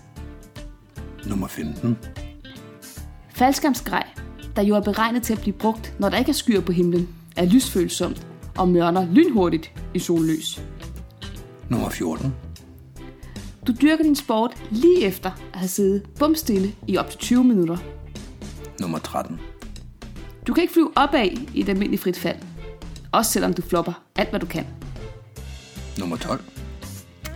Hvis du har været sammenlagt 100 timer i vindtunnelen, er det nok ret meget rockstar. Hvis du har spillet guitar i sammenlagt 100 timer, er det nok ret meget brookie. Nummer 11. Din hobby står på andre menneskers bucket list. Nummer 10. Til en opvisning bliver Vofos altid mere imponeret over en stående landing efter et 90 graders streg, end et swoop med en blind man. Nummer 9. Din ganske almindelige rig er et stykke livreddende udstyr. Nummer 8. Du betaler kun for pakningen af et faldskærmen. Åbningen er dit eget ansvar. Nummer 7. Jo sjældnere du springer, jo større er din sandsynlighed for at komme til skade. Nummer 6. Du kan godt springe, uden at skærmen pakkes bagefter. Men du kan ikke springe uden en pakket faldskærm. Ergo starter hvert spring med pakningen. Nummer 5. Jo mere sikkert det bliver at springe faldskærm, jo flere chancer tager skydivers. Nummer 4. Faldskærmselever er som regel dem, der er mest bange for at springe, og dem, der glæder sig allermest til at gøre det alligevel. Nummer 3. Du kan accelerere hurtigere til 200 km timen end en Lamborghini. Nummer 2. Et frit fald føles ikke som et reelt fald. Nummer 1. Selvom vi bogstaveligt talt kan dø i forbindelse med hver eneste faldskærmsspring, er det den mest livsbekræftende aktivitet i verden. Så det er top 20 åbenlyse, men paradoxale sandheder og pussigheder om faldskærm. Ja, Det er en god liste, du har lavet. jo tak. Er der noget, vi, øh, vi skal gå lidt i dybden med? Jeg har et par stykker, jeg godt vil snakke om i hvert fald. Ja, kom med dem. Jamen, lad os starte med nummer 8. Nummer 8. Nummer 8. Hvad var det nu, det var? Nummer 8. Du betaler kun for pakningen af din faldskærm. Åbningen er dit eget ansvar. Ja, det er der nogle faldskærmspringere, der stadigvæk har til gode at lære. Mm. Som går hen og... Øh, jeg har set folk gøre det. Gå hen og brokser til deres pakker over en dårlig åbning. Mm. Som om, at, det er en del af præmissen. ja, At, øh, at man kan det. ja. Så vil jeg gerne minde om, at vi har jo lavet en liste for lang tid siden omkring øh, en top et eller andet over årsager til dårlige åbninger. Mm. Og der tog vi netop også den her snak, at det er dit eget ansvar, og der kan gå tusind ting galt, som intet har med pakning at gøre, der giver en dårlig åbning. Ja, og det er, øh, det er, det er bare øh, en todelt ting. Mm. En åbningsforløb, den, øh, ja, den, den er afgjort af blandt andet, hvordan tingene blev pakket i sin tid. Mm. Men i lige så høj grad af, hvordan du ligger og hvad du laver, når du åbner. Ja, Så det skal folk lære. Ja. Det samme med, at hvis man så har et reservetræk, ah, men det var også, med mindre pakkeren virkelig har lavet en eller anden gral fejl. grælfejl. Men det er ikke pakkeren, der skal sørge for, at der ikke er en walkthrough. Hvis du ligger den med en walkthrough, mm. så må du jo være en, en, en god dreng og lægge den ordentligt fra dig. mm. Så nummer syv også, kunne jeg også godt lide. Ja, Jo sjældnere du springer, jo større er din sandsynlighed for at komme til skade. Det er, øh, det er en, en, en rigtig observation. Det er også en skarp observation. Den kan jeg godt lide, den er med. Mm. Det er et paradoks. Ja, det er det. Altså, fordi det, det ser vi gang på gang, mm. at det er de folk, som er øh, ikke current, eller vinterkolde, eller rustne, som, som øh, får taget nogle forkerte beslutninger. Ja. Det jeg så også synes, det er, at øh, når det kommer til det der med at være vinterkold, at folk er sådan der, "Jamen, nu, jeg skal lige passe lidt på med det frie fald, eller, ja. eller jeg skal lige i landingen, det er nok, øh, det er nok fordi jeg flærer for sent eller for tidligt, at jeg kommer galt afsted. Mm. Det er ikke min erfaring. Nej. Min erfaring er, og det, det er sådan noget, jeg har fundet ud af, den her vinter her, at jeg virkelig har fået, Den vinter, der lige er gået. ja, hvor jeg virkelig har fået tænkt over, hvorfor. Fordi jeg selv har haft en tre måneders pause, som er det længste, jeg har haft i min tid i sporten. Ja. At det, der egentlig er i det, er ikke så meget, for man kan godt huske, hvordan man skal flære. Ja. Man kan også godt huske, hvordan man skal ligge i frit fald. Ja. Der feelingen forsvinder ikke på den måde. Mm. Det, der er farligt, det er... Jeg, det med det frie fald kan være en, en faktor, fordi du lige pludselig fjerner noget fokus fra, hvor du måske skulle have fokus på din skærmflyvning. Mm. Men hvis man har noget skærmflyvning, og lige pludselig kommer i beknep for, øh, for at komme der, derhen, hvor man gerne vil, eller man, oh, jeg skal lige huske at lave det sidste drej, der har man ikke øh, den currency, der skal til, Nej. for at træffe en god beslutning. Og så er det, det kan gå galt. Ja. Den, den øh, diskussion skal vi også tage på et tidspunkt. Hvornår er man egentlig current som skydiver? Mm. Ja. Fordi det, det er heller ikke helt navlfast. Ej, der er væsentlig, en væsentlig mængde springere, der synes, at en tre måneders vinterpause er helt okay. Ja, ja. Som kan finde på at tage en tre måneders pause over en sommer, faktisk. Ja, eller det der er værre. Ja. Det der er længere. Ja. Har du nogen, du øh, kunne tænke dig at nævne? Jeg kunne godt tænke mig at nævne nummer 6. Ja. Du kan godt springe, uden at skærmen pakkes bagefter. Men du kan ikke springe uden en pakket faldskærm. Ergo starter et hvert spring med pakningen. Mm. Hvad tænker du om den? Det kan være rigtigt nok. Det er ikke nødvendigvis mig, der laver pakningen. Og Nej. derfor så skal, skal min pakker så lokke den del. Det er mere det der med, at det er lidt pudsigt, at vi jo altid slutter et spring af med at pakke en skærm. Derfor sådan, vi tænker det. Og hvis vi ikke øh, pakker den, så fordi vi putter den ned i en pose og kører hjem, og så, mm. så har vi det lidt som om, vi har sprunget over, hvor gader er lavest. Ja, det, det er jo en klassiker også. Det der med, at man så kommer på springpladsen næste gang, og så skal man have den ud af posen, og dermed så starter den jo ved, at du skal Ja, pakke den. ja. ja. Men bør et hvert spring ikke starte med, at man egentlig pakker en faldskærm? Og mit spørgsmål er jo så også, at, at øh, starter dit spring ikke i det, du har pakket din faldskærm, og slutter dit spring så ikke, når du har når du står på jorden igen og er landet? Jo, jo, jo, måske. Er der andre, du kunne tænke dig at nævne? Jeg synes, det er lidt sjovt, det her med øh, nummer 3. Mm. Du kan accelerere hurtigere til 200 km i timen end en Lamborghini. Ja, det er jo sådan en sandhed med modifikationer. Mm. Øh, nu kender jeg ikke lige øh, de nyeste tal fra Lamborghini. Mm. Men jeg ved, at øh, en... Øh, altså nogle af de der super, øh, supercars, der er hypercars, mm. de kan altså accelerere til 200 væsentligt hurtigere end 10 sekunder. Ja.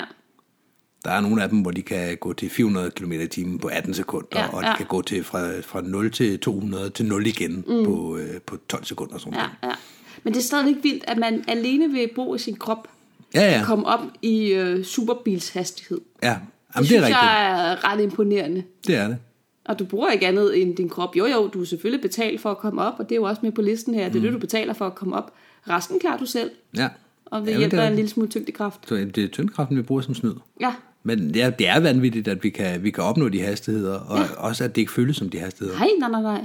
Jeg oplever da ikke, at jeg falder med 200 km i timen. Åh, nej, nej, Den har du også med. Ja, Øh, Det er nummer to, ikke? Et frit fald føles ikke som et reelt frit fald. Og det er jo rigtigt. ja. Det eneste gang, jeg har følt det som om, at jeg øh, har haft et reelt fald, det var i forbindelse med, apropos ballonspring. Mm. For der får man der følelsen af at træde ud i ingenting og falde ned. Og Ja. man får det der sug i maven. Ja, det, det samme med, med helikopter, hvor den står stille. Ja, det har jeg ikke prøvet. Men det, det giver den samme effekt. Ja, Ja. Mm. Nummer 17. Du husker altid det første spring. ja, Jeg ved ikke, om det, det er en pussighed, men den, den er sand. ja. Og det tror jeg, det gælder alle. Altså, det er jo lige meget, om det er Kate Cooper med, hvad var det, 13.000 spring eller sådan noget. Ja, det kan jeg ikke huske, det ligger. Og øh, om det er hende, eller om det er en elev med 40 spring. Det, det første, det, det, Det er står, noget særligt. det står for sig selv. Ja. Mm. Også selvom du kun får et spring, og der er gået 30 år. Du kan stadig Ja. huske det.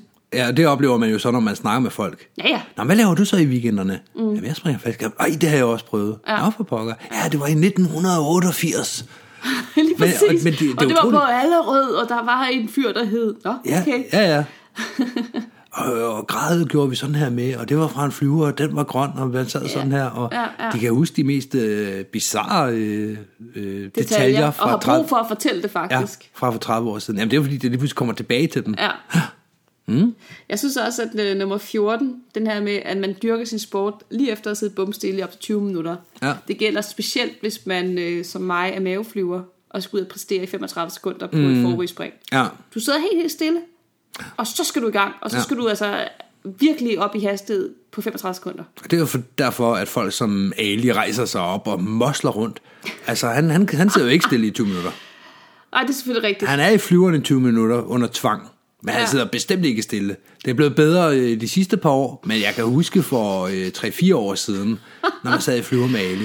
Åh, det står for egen regning, den der. Jamen, den tager jeg gerne. Jeg har været på hold med ham, så... Har jeg lagt mig ud med Ali, eller hvad? Nej, det ved jeg ikke, men... Øh, Øh, Og du genkender slet ikke det, jeg fortæller. En hver, der har været i flyver med Ali. Ja, det er det. nå, okay. Så farer han rundt, og så, sidder han og fryser, og så sidder han og så videre. Så er han, der sker rigtig meget inde i Alien, når vi sidder i flyvemaskinen. ja, ja. ja. Hvor det vi andre, vi er måske lidt bedre til at holde os i ro. Ja, I og sætte os ned og så vente. Ja, Ja. ja. det er præcis. Så det var øh, top 20 åbenlyse, men paradoxale sandheder og pussigheder om faldskærm. Ja. Mm. Jamen, så skal vi vel bare lige huske vores udgangsbønd også. Ja, kom med den. You know you're a skydiver when? You have random bruises after a boogie. Det gælder både boogies, det gælder stævner, og det gælder tundeture. Og det gælder både på himlen og på jorden. Ja, For mit vedkommende i hvert fald. og nogle af dem kommer med en tanke op bagefter. Åh, oh, det kan jeg godt huske. Det var lørdag nat. Åh, ja, ja.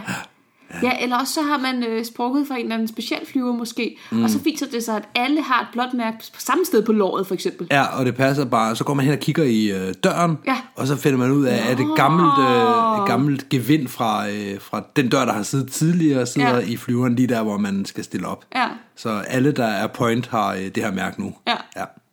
Det er, det er lidt sjovt. Eller det her skrabemærke på skinnebenen, som Ja. bare kommer af den her flyvers trinbræt, eller ja. hvad det nu kan være. Ja. Og man opdager det jo først, når man kommer hjem som regel. Ja, og det er sjovt, fordi at, det er jo ikke fordi, at, øh, at for, mig, for, for mit vedkommende, jeg føler ikke, at jeg er sådan helt booket ud i Nej, forhold nej, til, at jeg springer en flyver. Nej. Men når jeg er videomand for eksempel, jamen, så er jeg jo fuldt fokuseret på den del. Ja. Og det er tit og ofte på videosteppet, jeg er kommet galt af sted, mm. og, så, øh, og så kommer ned og har skravet mig og ikke har opdaget det. Ja, jeg tror også mest det er på exit, at de her skader sker. Man Jamen, ved det det jo ikke netop, fordi man kommer meget hjem og opdager, Gud, mm. hvorfor er min knæ sådan her? Men hvis der er flere, der har de samme skader, så er det som regel noget, man kan se på flyveren. Ja. Ja.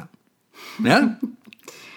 Vi skal se at sige øh, pænt farvel. Skulle vi lige nævne, at vi har det her inde på tier.dk? Ja, det må du- du godt lige nævne, eller skal jeg gøre det? Det må du da godt. Nu Jeg- plejer jeg faktisk at være Det er advokat for den. rigtigt, det er rigtigt. Vi har det, der hedder tier.dk. Det er fordi, at vi har fundet ud af, os glade amatører, at det faktisk ikke øh, er gratis at lave podcast. Det, jeg synes ikke, vi kan blive ved med at sige, at vi har fundet ud af det. Vi, det har man vidst i noget tid efterhånden. Vi har vidst det i 25 afsnit efterhånden. Okay, ja. Så det er ikke nyt for os. Nej. Men da, det, da vi opdagede det, Da, da vi startede på det her skyhooked halløj, der vidste vi det faktisk ikke. nej, altså vi tænkte bare, at øh, det kan nok gøres med en billig mikrofon, og så, jeg har noget software, mm. og hvis vi lige finder de rigtige kabler, og så får Så lagt et det par, par headset øh, fra et eller andet, så ja, vi kørt. iPhone headset, og så kører vi, ikke? Ja, ja.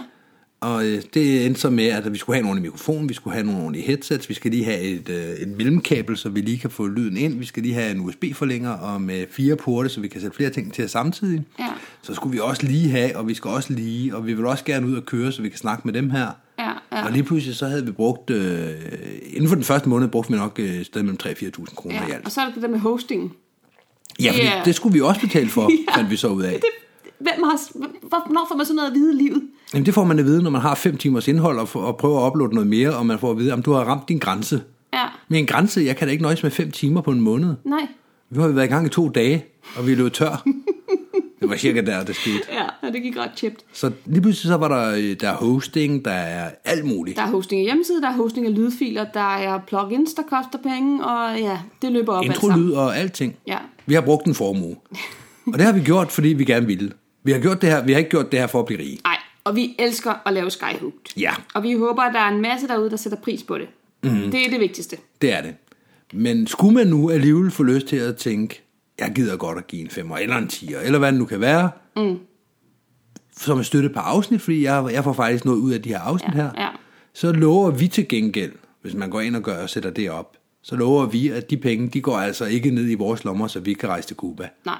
De går altså ned i uh, Skyhooks konto, Mm-hmm. Den de- har sin helt egen konto. det har den, og der ryger pengene direkte ind, og dem bruger vi så på at køre landeri rundt og snakke med folk, mm. på mere udstyr, så I får endnu bedre lyd, mm. Og meget, meget andet. Ja. Ja, Det er dealen herfra. det er det. Og vi Hvor- siger pænt tak. Hvordan gør man? Man går ind på øh, www.10er.dk. Og hvis man ikke gider at gå ind på den, så kan man bare gå ind på 10er.dk. Ja, Nu er det efterhånden mange år siden, at uh, www, eller endnu værre www, det blev uh, udfaset som præfix. Det er ikke nødvendigt længere. nej. Det går man ind på den her side, så er der en knap, hvor der står Find projekt. Så Mhm. dukker der en række projekter om. Der finder man Skyhooked under S. Og så øh, er der faktisk en lille vejledning dernede, og vi har også øh, indtaget en lille hilsen. Der er en video, hvis Der er man vil se, lille- hvordan vi ser ud som retarderet. Det kan være, at den video er lavet om, når man lytter til det her. Vi laver videoen om en gang imellem. Men Ja, hvis man vil se en sjov lille video, vi har gjort os umage, vi har hygget os med det også. Ja. Hvis man vil se os have det sjovt, og vil, vil, vil have et kig ind i det hemmelige studie, Uh, så er det derinde, man kan gøre det. Ja. Så selvom du ikke, selvom du tænker, det er ikke 5 kroner værd, de kan rende og hoppe kat i, Ja. det er fair nok, det må du ja. gerne tænke. Men gør dig selv en tjeneste og, og følg alligevel vejledningen, vejledningen her. 10er.dk, find projekt, Skyhooked, se videoen. ja. Det er korrekt. Er det ikke bare det? Jo, det er det da. Super, skal vi så ikke, øh, nu hvor vi er en time og 21 minutter inde i det her afsnit, nu er det i råfilen, så det kan godt øh, gå et par minutter i begge retninger, sige, at øh, det var vist alt for i dag. Det var alt for i dag. Hej Hej hej!